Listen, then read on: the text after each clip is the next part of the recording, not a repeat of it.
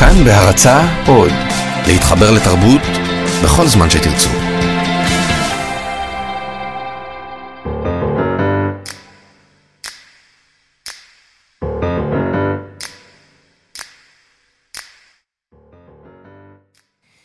שיר של רחל חלפי, מתוך ספרה אהבת הדרקון, שראה אור ב-95 בהוצאת הקיבוץ המאוחד. מה זה? מה זה להיות מדוכא בן 20 לעומת להתקלח בן 90? מה זה להיכנס למיטה עם אישה בן 21 לעומת לצאת מן המיטה בלי אישה בן 81? מה זה לקרוא שירה בן 16 לעומת לנעול נעל בן 89? מה זה לכתוב שירה בן 39 לעומת להתפשט בן 93? מה זה להשתכר בן 30 לעומת לשתות בלא לשפוך כוס מים בן 90? מה זה לעשות דוקטורט בלנגוויסטיקה בן 29 לעומת לקבל פתק מן הפקיד האידיוט בן 74? מה זה לטפס להימאליה בן 26 לעומת לעלות לאוטובוס בן 86?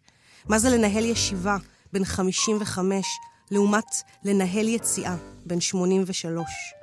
מה זה להקשיב למוזיקה עילית בן 32, לעומת לשמוע דפיקה על הדלת בן 82?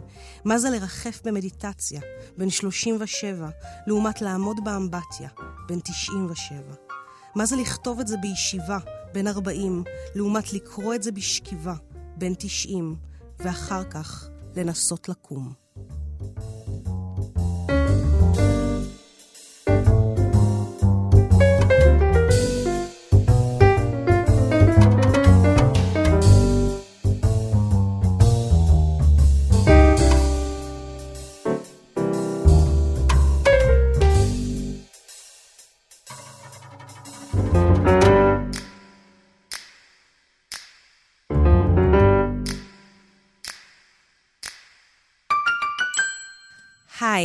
אני נועם פרטום, ואתם מאזינים לטקסט מניה, תוכנית שבה בכל פעם אנחנו בוחרים נושא אחר, נטפלים אליו, ומנתחים אותו מכל מיני כיוונים וזוויות, אה, באמצעות טקסטים ספרותיים, פסיכולוגיים, אה, מכתבים, קטעי יומן וכל מיני כאלה. והפעם אנחנו נתעסק בזקנה. אה, אולי הנושא הכי מהותי לחיי אדם, כי מהי הדרמה של בן אנוש, אם לא הדרמה של הגיל, של, ה, של הלידה והמוות. ואני חושבת שמאז שאני זוכרת את עצמי, אה, זה משהו שהעסיק אותי מאוד, הזקנה והמוות. וכשהייתי בכיתה ג', כתבתי ביומן שלי שיום אחד, כשאני אהיה גדולה, אני חייבת ללכת לפסיכולוג כדי להתמודד עם הפחד שלי מפני הזקנה, מפני הזקנה והמוות.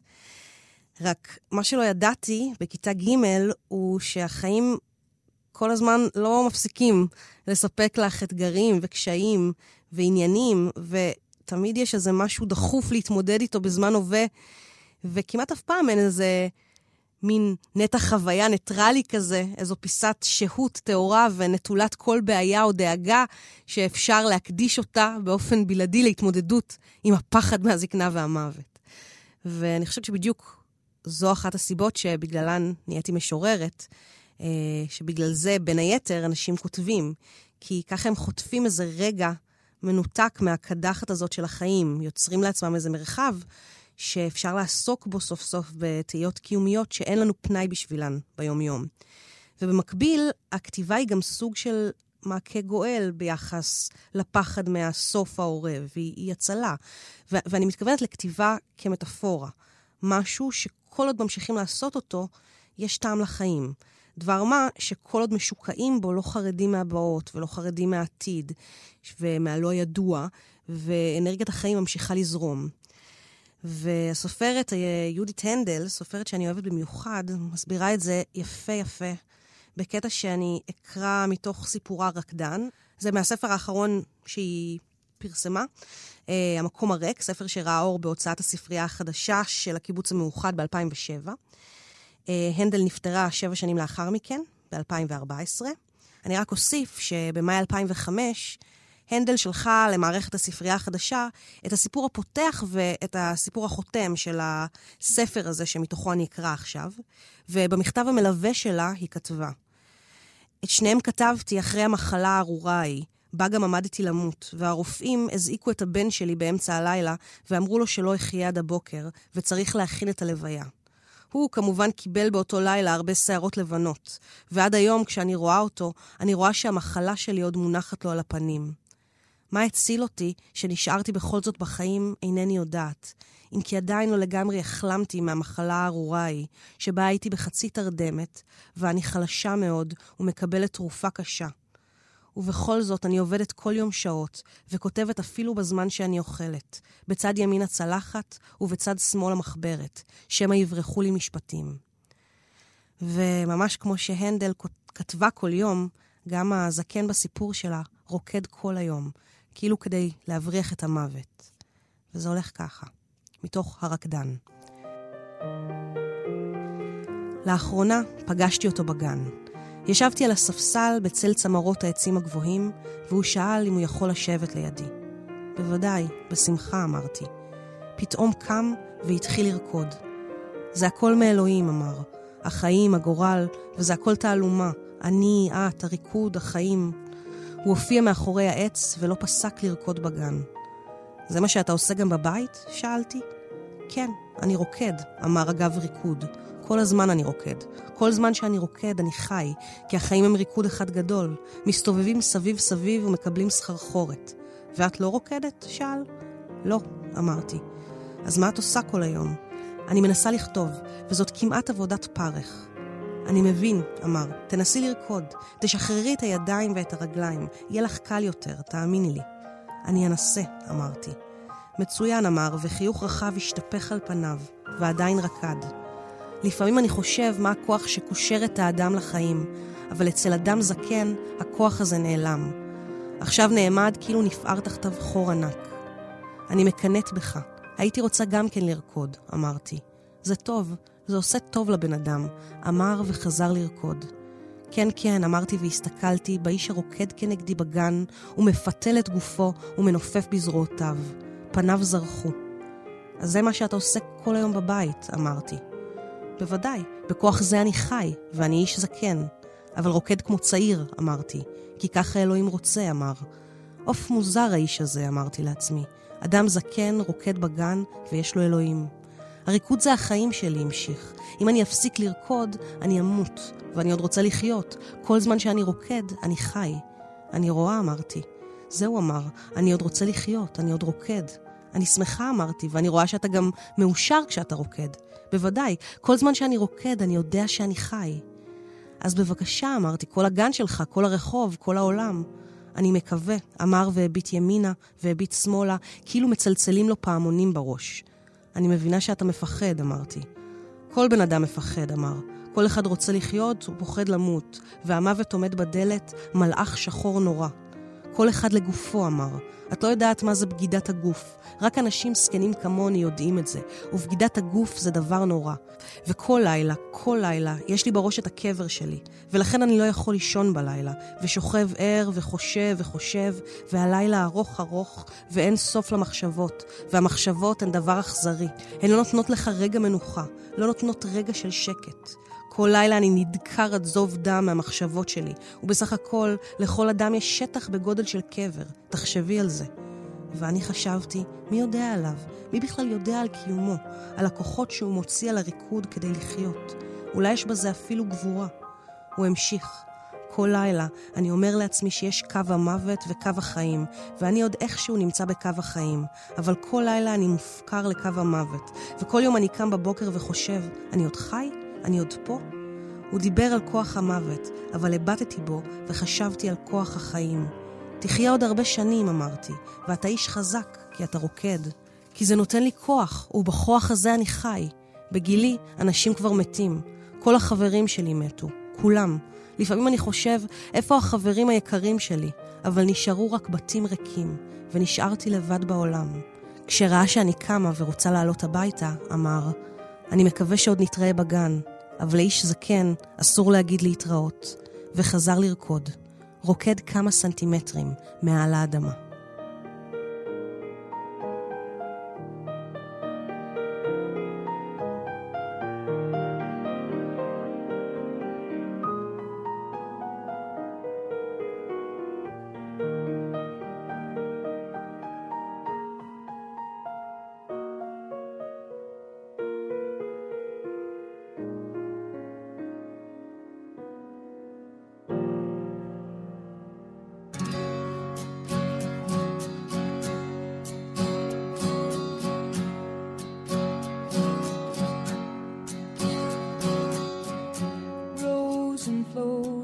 angel hair and ice cream.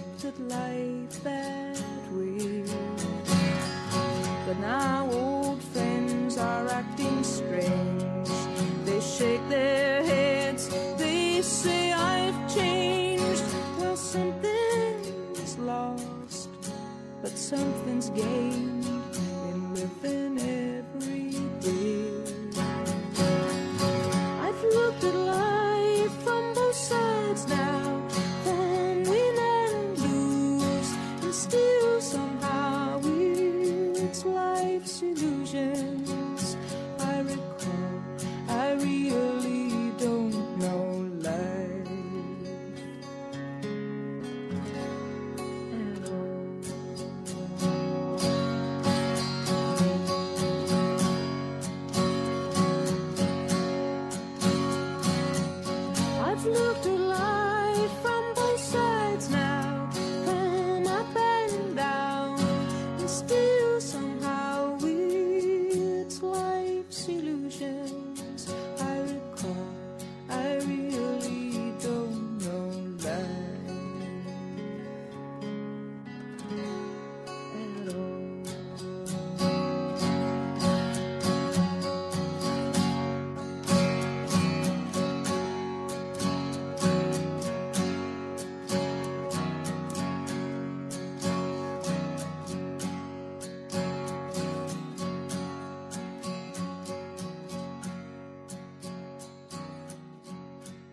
השיר הבא הוא השיר ערב פתאומי של דוד אבידן, מתוך ספרו שירי לחץ. זה כנראה השיר העברי, אה, או בכלל הטקסט בעברית, שהכי מזוהה עם זקנה והכי מוכר מתוך כל הקנון הספרותי. היה בלתי אפשרי מבחינתי לערוך כזו תוכנית על זקנה ולא לקרוא את השיר הזה, שהוא כמעט המנון. צריך לומר שכתב אותו דוד אבידן הצעיר, אה, והוא לא זכה להזדקן. ערב פתאומי, דוד אבידן.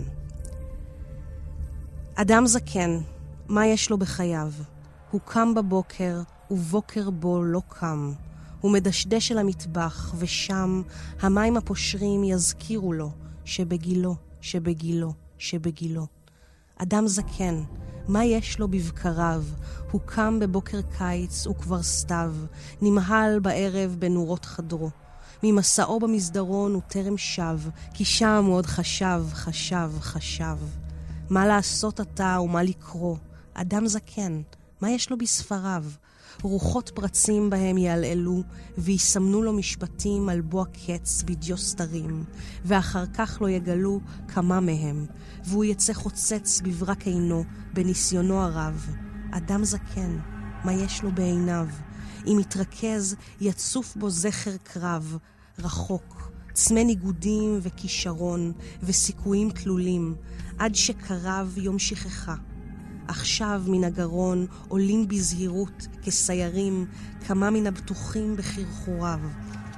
כמו נעמות נמר צעיר בסתיו, אדם זקן, היכן כל נמריו.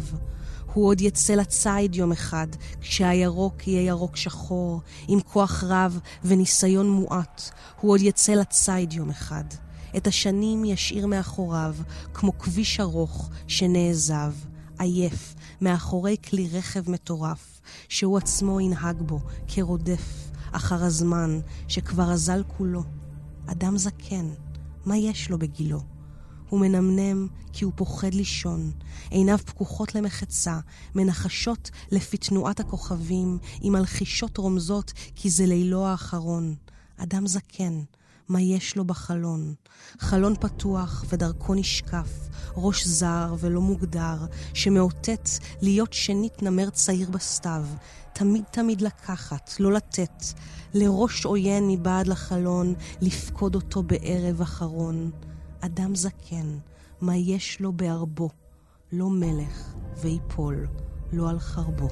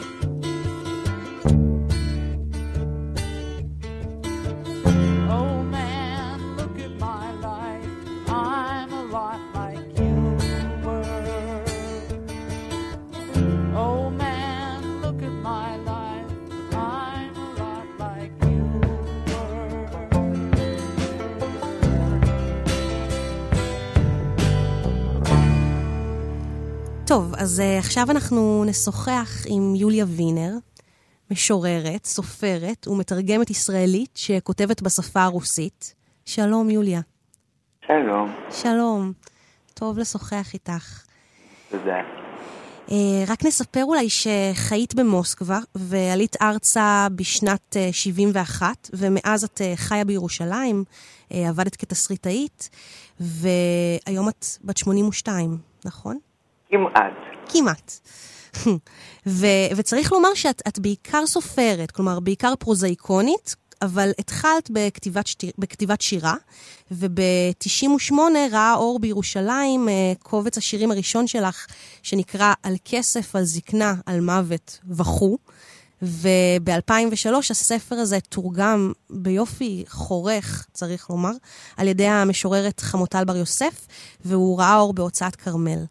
אז, אז אולי נתחיל אה, בכך שתקראי לנו כמה שירים.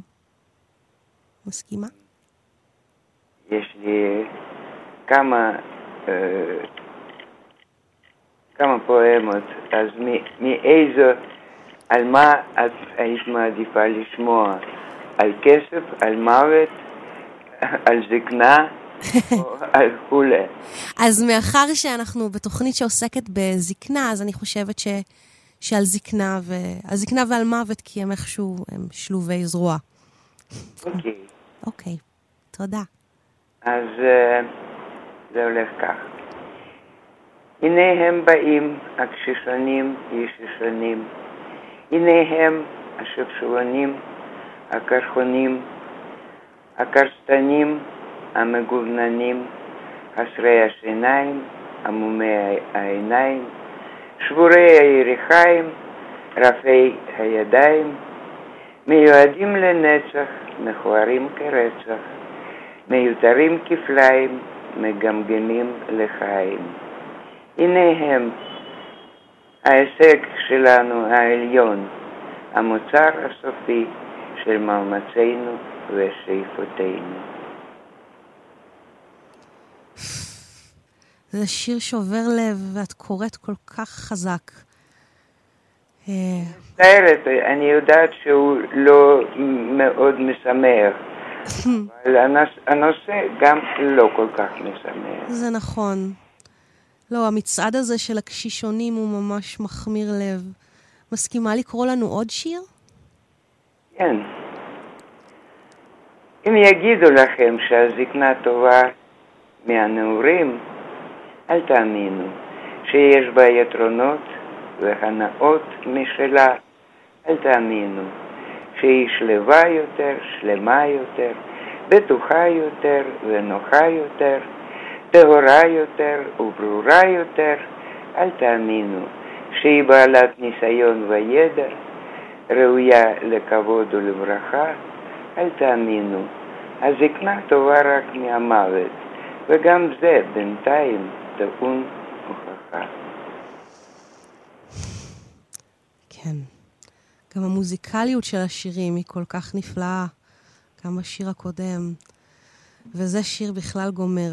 את רוצה עוד שיר אחד או שנשוחח? שיר קצר מאוד.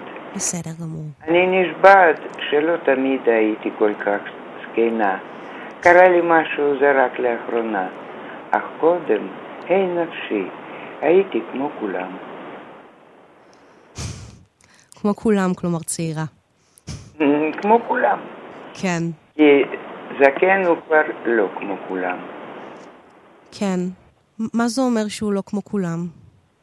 הוא כבר, כבר לא כל כך שומעים אותו, לא כל כך רואים אותו, אה, לא כל כך מקבלים מה שהוא אומר בצורה רצינית. פתאום נהיה לא רלוונטי, כאילו. אה, הוא לא רלוונטי, למרות שהחיים כן רלוונטיים בשבילו, בוודאי. אבל הוא, הוא לא רלוונטי.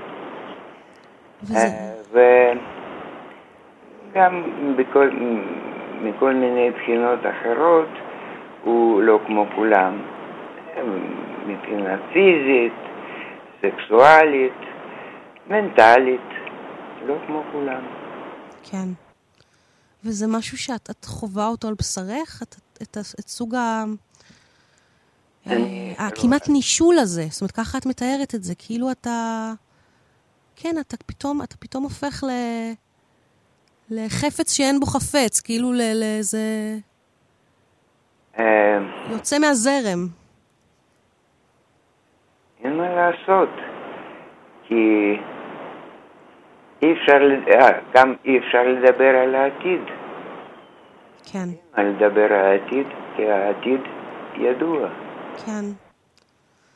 כן, וזה... אבל במובן הזה כולנו, כולנו שותפים לדבר הזה. את יודעת, כן, מין- אבל לא, כולה, לא כולנו מרגישים את זה, לא כולנו חשים את זה. זאת אומרת שיש אנשים שהם פחות רגישים, את חושבת, ל... למצב לא, הזה בן- של... בן אדם בגיל 30, אה, ודאי. כשהוא מדבר על עתיד, אז יש לו כל מיני חלומות ושאיפות ורצונות. לבן אדם ממש מבוגר, זקן. כן, ודאי. אבל גם... השאיפות ורצונות וחלומות שלו הם או שהם על העבר, או שהם הכי הכי פשוטים. כן. שלא יכאב, שהרגליים יעמדו, שהידיים ידעו לעשות דברים הכי פשוטים, זה השאיפות. כן. העולם, היקום, החיים, הכל מצטמצם. אבל גם בן השלושים יגיע להיות בן 70 במקרה הטוב. הגיע, אבל ל, ל, למזלנו, של, שלנו, של בני אדם, אנחנו, אין לנו מספיק, אה, אנחנו פשוט לא יכולים אה, לתאר לעצמנו מה זה זקנה, כל עוד שאנחנו לא זקנים. וזה טוב, זה דווקא מאוד... אה, אותי זה משמח. זאת אומרת, זה מגן עלינו. זה מגן עלינו, נכון. אנחנו באמת לא יכולים לתאר, אנחנו לא יכולים להתכונן לקראת, אה, וטוב שכך. וטוב שכך, את אומרת. זה... יש משהו כל כך אה, חשוף וכואב ובוטה אפילו בשירים שלך. את, את, לא, את לא מנסה לייפות את המציאות של הזקנה בכלל, ו- ואת לא פוחדת להישיר מבט גם לצדדים המכוערים שלה. אני כן פוחדת, אבל אין לי ברירה. כן. למה אין לך ברירה? מעצם זה שאת אדם כותב, או לא, מעצם זה שאת אדם זקן? אלא אה, לראות מה שיש. כן, יש לי ברירה לא לכתוב, זה נכון. כן. אבל הכתיבה, זה... יש בה גם איזו הצלה כזאת? זה שאת יכולה להגיד את הדברים נכוחה ולפרוק מהלב, זה, זה גורם... זה, זה, זה נותן לך איזו תחושה של תכלית? זה... זה בעצם זה נכון, כי אה, אני כתבתי על הזקנה כשעוד לא הייתי ממש זקנה. הייתי זקנה, די זקנה, בת 65, משהו, אבל זה לא זקנה ממשית, זה לא, זה עוד לא זה. כן, אז אה, אז, כשאני כבר הרגשתי שמתקרבת אליי הזקנה, אז כתבתי את זה מת, מתוך פחד, וזה כן, זה נתן לי איזו, זה קצת הרגיע אותי לזמן מה. אבל עכשיו, כשאני כבר יודעת בדיוק מה זה, זה, אני כבר לא יכולה לכתוב ש, שירים על, על הזקנה. כן, למה לא? Uh, פשוט, אני לא רוצה להפחיד את האנשים. את יכולה לדבר בגילוי לב, זה באמת בסדר. גם, גם השירים האלה כבר הפחידו. כן, התגובות, התגובות של אנשים היו תגובות אה, מפוחדות לשירים שלך? זה תלוי. מהצעירים לא. הצעירים לא מפחדים. אבל חברות שלי... כן, שהן בנות גילך. שהן uh, מתקרבות לגילי. הן, הן מאוד כעסו עליי. זה, כי זה... אין לי, אין לי זכות, זכות לדבר כך. זה לא, זה לא הוגן, זה לא... ככה לא מדברים על הדברים האלה. כן. זאת אומרת, מדברים, אנחנו מדברים בינינו, אבל לא, לא בשירה, לא בספרות. כן. למה לא? כי ספרות זה רק לדברים היפים והגבוהים והנשגבים, לא ל... לכאבים הכי יסודיים של החיים? אבל לכתוב את האמת, כן, נכון. יש, אה, על אהבה לפחות אפשר לכתוב בצורה פואטית. כן. אה, על מחלה, על זקנה, על מוות וגם על כסף, אה, אי אפשר אה, לכתוב ליריקה. כן, זה, לירי זה לא. לא, לירי זה... זה לא, זה, זה, זה גס ומלוכלך ואכזרי, כמו, כמו שזה. נכון. ו... את יודעת שדבר הכי ביקורתי שאומרים אה, בין אה, אנשים אחד לשני, אתה פסימי, אתה פסימי, אתה לא אופטימי, תהיה אופטימי. אבל אה, זה משהו שמהמילים לא בא אופטימי, לא בא אופטימיות. כן. והפסימיות זה גם דבר לא כל כך רע. כי פסימי, פסימיות לפחות מרשה לנו לראות את הדברים כמו שהם, וזה תמיד רצוי, אני חושבת. כן. אני חושבת שיש משהו מנחם בזה קצת, ב... בלהגיד את הדברים כמו שהם, בלפחות לגעת באמת. נכון. זה, זה באמת מה שהשירים שלך עושים, וזה חזק נורא.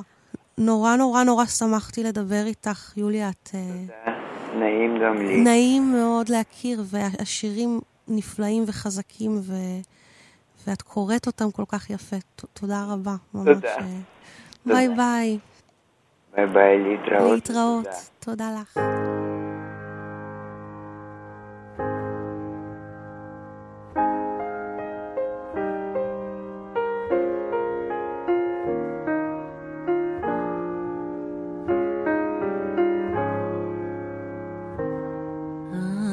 friend.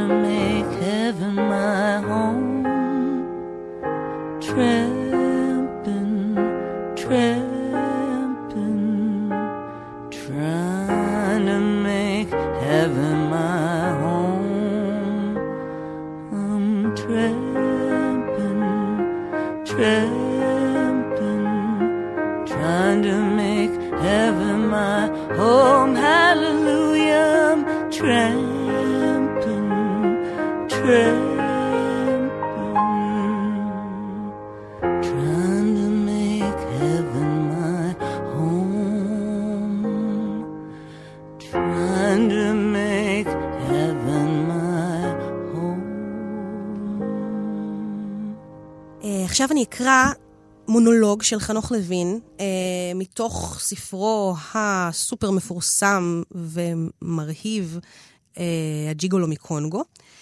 אה, אני חושבת שכשמעתי את המונולוג הזה מבוצע לראשונה באיזו הצגת תיאטרון חובבים כזאת בתל אביב, כשהייתי בת 15 בערך, וזה טלטל אותי לגמרי, ואמרתי, יואו, איך, איך מישהו הצליח לכתוב בדיוק כל כך נמרץ את ה...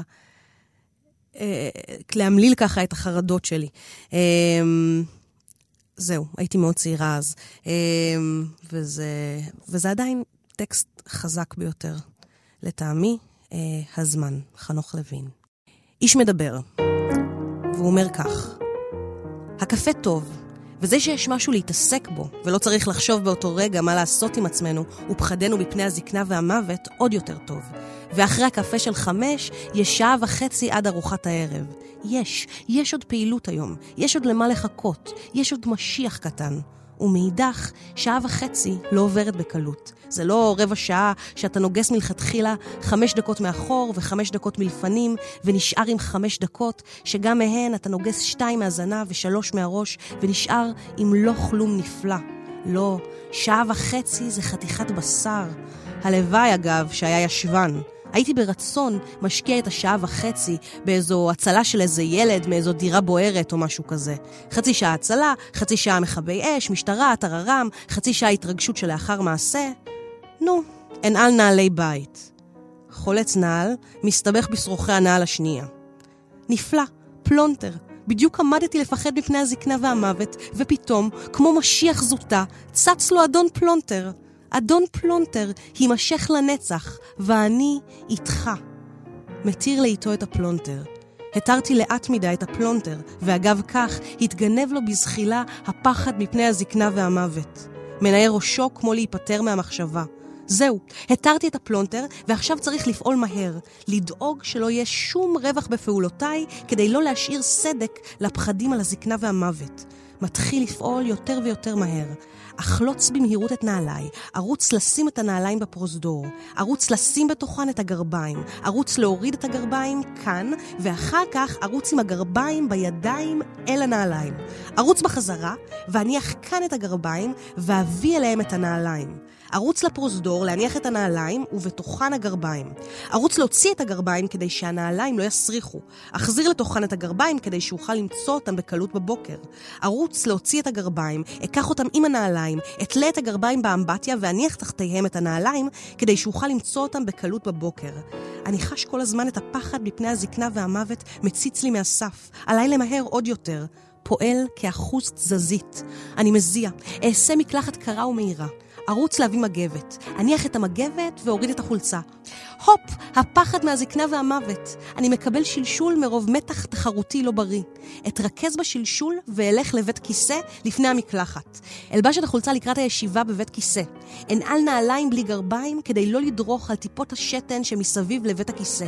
השלשול עבר, הפחד מהזקנה והמוות מתקרב מהצד. אוריד חולצה וארוץ למקלחת. הופ, חזר השלשול ביתר תוקף. אלבש חולץ. נדמה לי שיצא לי קצת בתחתונים. אוריד מכנסיים ותחתונים וארוץ לכבס את התחתונים. ארוץ קודם כל לבית כיסא לגמור את השלשול. לא, ארוץ לאמבטיה להשרות את התחתונים. תפס אותי הפחד מהזקנה והמוות. כופה במקומו, מזיע, מדבר במהירות עצומה. אמלט מהפחד על ידי המעשה הבא. המשמש בקדמת חנות מכנסיי.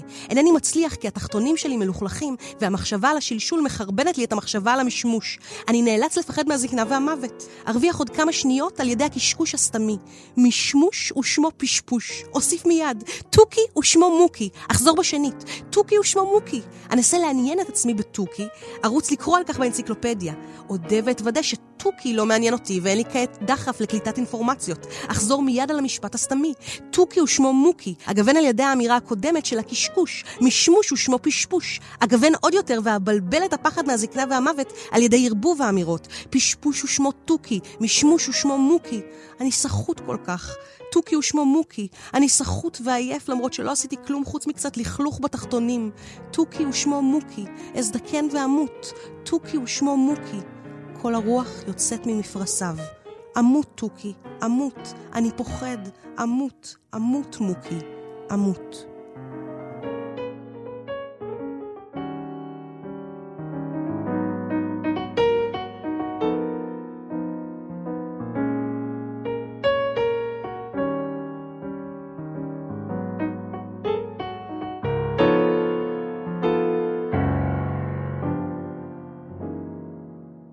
טוב, אז עכשיו אנחנו נשוחח עם רינה שיינפלד, שהיא אשת מחול, רקדנית וכריאוגרפית ומורה למחול. אחראית להרבה מהקלאסיקות הגדולות של המחול הישראלי המודרני. אה, היי רינה. היי היי. נשים אמנם אה, לפעמים מחוברתות לבלף על הגיל שלהן, אבל מותר להגיד שאת כבר בת 78 היום, נכון? נכון. וממש השבוע אה, זכית בתואר עמיתת כבוד מטעם האקדמיה למוזיקה ומחול בירושלים. נכון או לפני? נכון, נכון מאוד, אה, לפני, לפני שבועיים נדמה לי, וזה היה טקס מרשים ביותר וחוויה. איזה יופי. וקיבלת כן. פרס על מפעל חיים, וב-2012 קיבלת uh, תעודת הוקרה מארגון אמני ישראל על 50 שנות מחול. וב-2014 חנך שתי סטודיות למחול על שמך ועל שם פינה באוש בסנט פטרבורג, ו... ועכשיו בעצם גם לראיון הזה את מגיעה אחרי חזרה עם הלהקה שלך. כלומר, את רוקדת ומלמדת כל הזמן, והתחושה היא שאת עושה את כל הדברים האלה בחיוניות אדירה ובשמחה. ולפי המבט הסטריאוטיפי והקונבנציונלי על זקנה, אה, זה משהו מאוד מעורר השתאות ויוצא דופן. איך את חווה את זה מבפנים, מבחינתך? כאילו, איך את תופסת הזדקנות? כן, אה, כן תראי, זה, זה נכון שהחברה אה, מחנכת אותך ומלמדת אותך אחרת, אבל אה, בשבילי זה הדבר הכי טבעי בעולם והכי... איך להגיד, שורשי, זה, זה, זה מובן מאליו, זה לא, זה לא דבר שאני מתכננת אותו. כן, זה בלתי נפרד ממך, המחול. לא. 아. המחול, הריקוד. כן. ותראי, גם אומרים שהריקוד זה, את יודעת, אין אדם בשיא אושרו אלא כשהוא רוקד. כן. אז הריקוד באמת מחיה. לריקוד יש תפקיד כנראה מאוד חשוב בחיוניות הזאת. כן. הריקוד זה חיים, את יודעת. אומרים שמים עומדים, אה, נרקבים. כן, הם סטטיים והם... זה, זה כן. כן. זה מוות. ו... אז התנועה, אז באמת שיום שאני לא רוקדת הוא באמת יום לא טוב, ויום כן. שאני רוקדת הוא יום טוב. אז זה קשה להסביר את זה, זה משהו מאוד אה, אורגני. כן, אורגני ופיזי ממש, פיזיולוגי. פיזי ונפשי. ונפ... לא, לא, ודאי. פיז... פיזי לבד זה לא, אני, אני, אני בדקתי את זה במיוחד, ש... אה, כי אומרים אה, שרירים, שרירים. אני, הריקוד זה לא שרירים, ברור. הריקוד זה שירים, זה שירים. נכון. ולכן אה, יש פה שמחת חיים, כי זה משהו שהוא, שהאמוציות יוצאות, הרגשות, המחשבות, התחושות, אה, ה, ה, הלב כן. פועל. זה, זה, לא, זה לא רק השריר, זה לא הגוף. ודאי, זאת הרוח. זה שגם הגוף זז בתהליך הזה, זאת אומרת, בתור, אני אדם כותב, אני, אני משוררת, אז אני מדמיינת את עצמי כמבוגרת יותר, כותבת, אז נראה לי שריקוד זה יותר אידיאלי, כי זה גם הגוף וגם הנפש. באיזה סינרגיה. יכול להיות, כן. יכול להיות, כן. האמת כן. שזה די מדהים, כי ממש בתחילת התוכנית הזאת קראתי קטע קטן מתוך סיפור יפהפה של אה, יהודית הנדל, שנקרא רקדן, שאת חייבת להכיר אותו אם את לא אה, מכירה. לא, מכירה? אני לא מכירה, אז כן. אני, אני אשלח לך בוואטסאפ, אני אשלח נורא לך קישור. תודה, אני אשמח מאוד. בשמחה. זה, זה סיפור על איש זקן שבעצם כל הזמן רוקד ולא עוצר לרגע, כי, כי כל עוד הוא רוקד, הוא חי. אה, ו... אז, אז באמת, את, את מזדהה עם זה? כלומר, הריקוד הוא טעם החיים, הוא הצלה, הוא... אה, בשבילי בטח, ואני חושבת שגם לכל בני אדם, רק שזה לא קורה. כן, זה לא קורה, ולצערי הרב. כן. יכול להיות ש, שבתקופות העתיקות, אה, בשבטים באמת כולם רקדו איך שלא יהיה. רקדו בשביל להביא גשם, רקדו בשביל אה, לנצח במלחמה, רקדו בצורה שבטית. כן. תנועה זה, זה תנועת הגוף, ובטח שאם יותר לעומק ויותר לפרטי הפרטים של כל האיברים וכל כן. המכונה, המכונה הזאת, המכונה של הבן אדם היא מכונה, מכונה מופלאה. ללא ספק. וקסומה, וקסומה, ויש בה המון המון מבוכים והמון, יש המון מה ללמוד. אה, מרתה גרם אמרה שזה לוקח עשר שנים להיות רקדן, ללמוד להיות רקדן, ואני אומרת שזה לוקח 70 שנה ויותר. אז באמת מהזווית הזאת של רקדנית יוצרת, איך, ה, איך ההתבגרות משנה את הפרספקטיבה, את היצירה, את התנועה, את הגוף? כאילו באיזה... לגמרי, לגמרי, אנחנו משתנים כל הזמן. אנחנו בגיל, בגיל הזה לא כמו שהיינו בגיל אה, 40 או 30 או 20 או 18, אה, אה, וטוב שכך. כן, ללא ספק. השינויים, השינויים האלה הם שינויים חשובים. את מרגישה שהריקוד בגיל מבוגר הוא שונה? שבאמת, היום את, למד, כמו שאמרת, למדת לרקוד, את רוקדת... אה... אה, אה, כן, זה, אין לזה סוף. אין לזה סוף ללמידה הזאת, לפרטי הפרטים, לניואנסים, לאצבע הקטנה, לבוהן, ל... לכל פרט ופרט בגוף. נכון שבגיל הזה אתה כבר לא קופץ כל כך גבוה או לא קופץ בכלל, אבל אה, אני אומרת תמיד, קפצתי כבר מספיק, אני לא צריכה עוד לקפוץ, יש לי דברים אחרים לדבר עליהם בגוף כן, שלי. את יכולה לגלות דברים אחרים ומקומות אחרים. נכון. ויש פער בתחושה שלך בין האופן שבו הסביבה חווה את הגיל שלך לבין איך שאת חווה, או... הקהל אה, ממש לא. הקהל ממש מקבל ומקבל השראה ממני ולומד ונהנה. כן, נראה לי זה משהו שאת משליטה, את מכתיבה את זה הקהל, בעצם הנוכחות כן. שלך פשוט.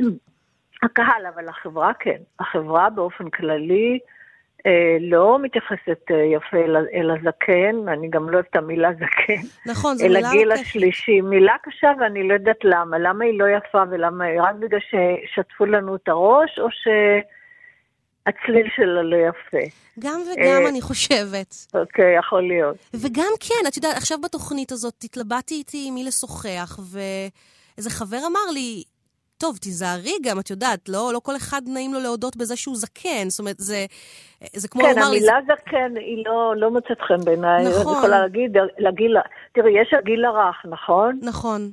אז גם זה הגיל הרך. נכון, זה באמת גיל רך, את צודקת. זה, גיל רך זה נורא יפה בהקשר הזה. נכון. נכון. וזה... והבעיה היא שהחברה לא מקבלת, והחברה גם, בואי נגיד בריקוד בטח שלא, את יודעת ש- ש- שזורקים אותך כשאתה כבר בן 25 או משהו כזה, כן. וזה זה, זה לא נכון, אני ממש מתקוממת. אה, כן, זה תחום מאוד אכזרי על, על הסקאלה הגילאית. כן, וזה נכון. לא, זה לא נכון, זה לא, זה לא טוב, לא לרקדן ובטח לא לקהל ולא לריקוד עצמו. את יודעת, אני קראתי מאמר בניו יורק טיימס מזמן כבר, עוד שלא הגעתי לגיל הזה, עד כמה האומנות, יש אומנות של הגיל השלישי, אומנות של הגיל המבוגר, שיש בה את ההישגים הכי גדולים באנושות. כן. ואנשים כתבו את הדברים הכי טובים שלהם, או אפילו רקדו בגיל, בגיל המתקדם, לא, לא בגיל הצעיר או בבינוני. כן. אבל אין, אין, בארץ אין לזה מודעות, נכון. ואולי במערב גם אין לזה. אין לזה הרבה למשל, ייצוג. כשהייתי ביפן, כן. אני לפני כמה שנים, אני הייתי הכי צעירה. היו גילאים 70, 80, 90, והיחס של החברה היפנית לא- לאיש הבוגר הוא לא יאומן. כן, זה נכון, הם מאוד מכבדים את זקניהם, וגם את המוות, הם נותנים לו מקום. כן, זהו, נכון. בתקופה הזאת שלי אני מאוד מאוד שמה דגש דווקא על, ה, על הדברים האחרים. יש לי בלהקה אישה בת 60, יש לי אישה בת 50, ויש לי נערה בת 20, ויש את כל... זאת אומרת, אני אגיד לך מה, יש משפט ששמעתי אותו לאחרונה. חובה לרקוד בכל גיל, על מנת להעלות, לאפשר, להעלות על הבמה את החיים האמיתיים, ולא את השקר. כן. והאמת שקראתי גם באותה, באותו מאמר על אומנים, אני מדברת על ציור, שהאומנים המבוגרים מטיבים להשאיר מבט לכל ולא לעקוף מהומה. כן. ובזקנתם הם יוצרים עבודה שהיא בולטת באיכותה, היא חדשנית, היא, היא, היא אפילו סנילית, היא, היא מלאה בפחדים, היא מלאה ב... ב בדמיון מוזר. כי הכל וזה, נוכח. זה, וזה... זה מעניין, זה מעניין. מאוד. ש... וזאת המציאות עצמה, זאת אומרת, זה באמת אותנטי, זה... ואולי לסיום, יש, יש גם דברים יפים בפאזת החיים ש, של הזקנה? זאת אומרת, מה, מה, איז, יש תועלת? יש... 아, אה, אני לא אמרתי ש, שהכל דברים לא יפים. ודאי שלא. כן. אז אה, החיים הם יפים, החיים, החיים. תראי, אני לא מדברת על, על, על, אה, על מחלות, אני לא כן. לא מדברת על, אה, על דברים כאלה, אני מדברת אם אתה חי ונושם, ו, וכל יום הוא יום, ו- והטבע הוא טבע, וכל פרח ש- שנובל או פורח, או כל עלה שנופל, אפילו בתל אביב היפה הזאת, זאת חוויה. נכון. זה לא... והעלה המקורקם והיבש הוא, הוא, הוא יפה לא פחות מהפרח ה... בדיוק, בדיוק. זה מה שאני בחודשים האחרונים, אני אוספת עלים. אני, תמיד אומרים לך שהשושנה, כשהיא בשיא פריחתה, זה הכי יפה. אני לא בטוחה. נכון. אני ראיתי, אני ראיתי את ההיביסקוס כשהוא מתגלגל ומתקפל ומתגלגל ונופל לרצפה, ואני הרמתי אותו וראיתי שהוא יפהפה, הוא יפה נורא נכון. בהתגלגלות שלו, בהתקפלות שלו. לאו דווקא השושנה אבל זה את מין... את מתארת את ההיביסקוס בצורה הכי מחולית ששמעתי זה זמן. איך הוא כן, כן, מתקפל כן. ונופל לרצפה, זה ממש... כי הטבע הוא מחול, הטבע הוא מחול, כל, כל יום קורה משהו. כן. זה קסם שאנחנו לא כל כך אה, שמים לב אליו. בקיצור, את אומרת ו... שזה פשוט, זה סוג של יופי אחר, אסתטיקה אחרת יש לה, להזד, להזדקנות. ו... אה, יכול להיות. אני, תראי, אני לא סתם אגיד לך דברים, את יודעת, אה, הכל נהדר, הכל יפה. זה לא נכון, אני קמה בבוקר וכואב לי הגב, וכואב לי הגוף, ויש בעיות, זה לא הכל אה, נהדר. אבל, אבל זה לא מה, ש, מה שעושים מזה. כן. תודה מאוד מאוד, רינה. אני, היה לי כיף לדבר איתך. גם לי מאוד. נעמת לי נורא, ואני אשלח okay. אוקיי. לך את הסיפור הזה. כי... אני אשמח מאוד לקרוא על הרקדן. את כן. ממש צריכה לקרוא על הרקדן, נראה לי שאתם כן. חברים בנפש. יש לי דרך אגב הופעה בשבוע הבא, ביום שלישי, אני רוקדת ריקוד חדש עם רקדנית צעירה. אה, וואו. והמפגש הזה ביני לבין אה, רקדנית צעירה, זה עולם ומלואו, זה, זה, זה קסם. זה נשמע כמו ו... קסם. אז כן. איפה זה, שנדע? אני, אני מזמינה אותך, תבואי. איזה יופי, אני אשמח לבוא. תתקשרי איתי, כן. ביום שלישי הקרוב בשבע וחצי, ואני מופיעה בסטודיו שלי. וואו. כי אני גם החלטתי לא, לרדת מכל הפאר הזה ומכל הבמות הגדולות והתאורה. עשיתי ריקודים שהם אינטימיים, שהם בגובה העיניים, שאתה יכול לראות את הרקדן ולגעת בו. אז זה בסטודיו שלי. נשמע נכון מאוד. אז איך, אה, למאזינים, איך משיגים כרטיסים? צריך לצלצל ל-03-604-6745. יהיה, מצוין. אז אני מודה לך. מודה לך גם, תודה, רינה. על השיחה. אוקיי. תודה. ביי ביי. ביי ביי. חייבים קצת אופטימיות בתוך כל הזקנה הזו. ואחרי השיחה עם רינה שיינפלד, אה, אין מתבקש מלקרוא שירים של התרוממות רוח ושל פלאי הזקנה. ואהרון שבתאי, אה, הליצן הנצחי והמופלא של השירה העברית, הוא, שהוא גם כבר, דרך אגב, ממש לא ילד, אה, הוא בדיוק המשורר לסיים איתו את התוכנית הזאת בנימה יותר אופטימית. אז אני אקרא שני שירים קטנים שלו, מתוך ספרו הנפלא טניה, שהוא כתב uh, לאשתו, טניה ריינהרט, uh, זיכרונה לברכה, אחרי שנפטרה. השיר הראשון נקרא סבון. יש לי סבון שקניתי ברמאללה, שמן טהור. היכנס לאמבטיה, עזוב את השיניים, עזוב קרחת, תסתכל איזה זין, איזו בטן טעימה ואיזה תחת. שכח את מה ששמעת על הזקנים. והנה השיר השני שמשלים אותו. אשתי. כוס של סוסה יש לאשתי. פטמותיה פרגים על גבעות שמנת. הראש מסתחרר כשהירח שפוך על טבורה ועל ירחיה. שתי יין ישן, לא חלב בקרטון. שכח את מה ששמעת על הזקנות. אז אני מאחלת לכולנו שנזדקן בחן ובאלגנטיות, לפחות כמו שבתאי, או כמו סבתא שלי, כפרה עליה, שחגגה 90 החודש, שתחיה ותיבדל עוד שנים רבות, טובות וארוכות.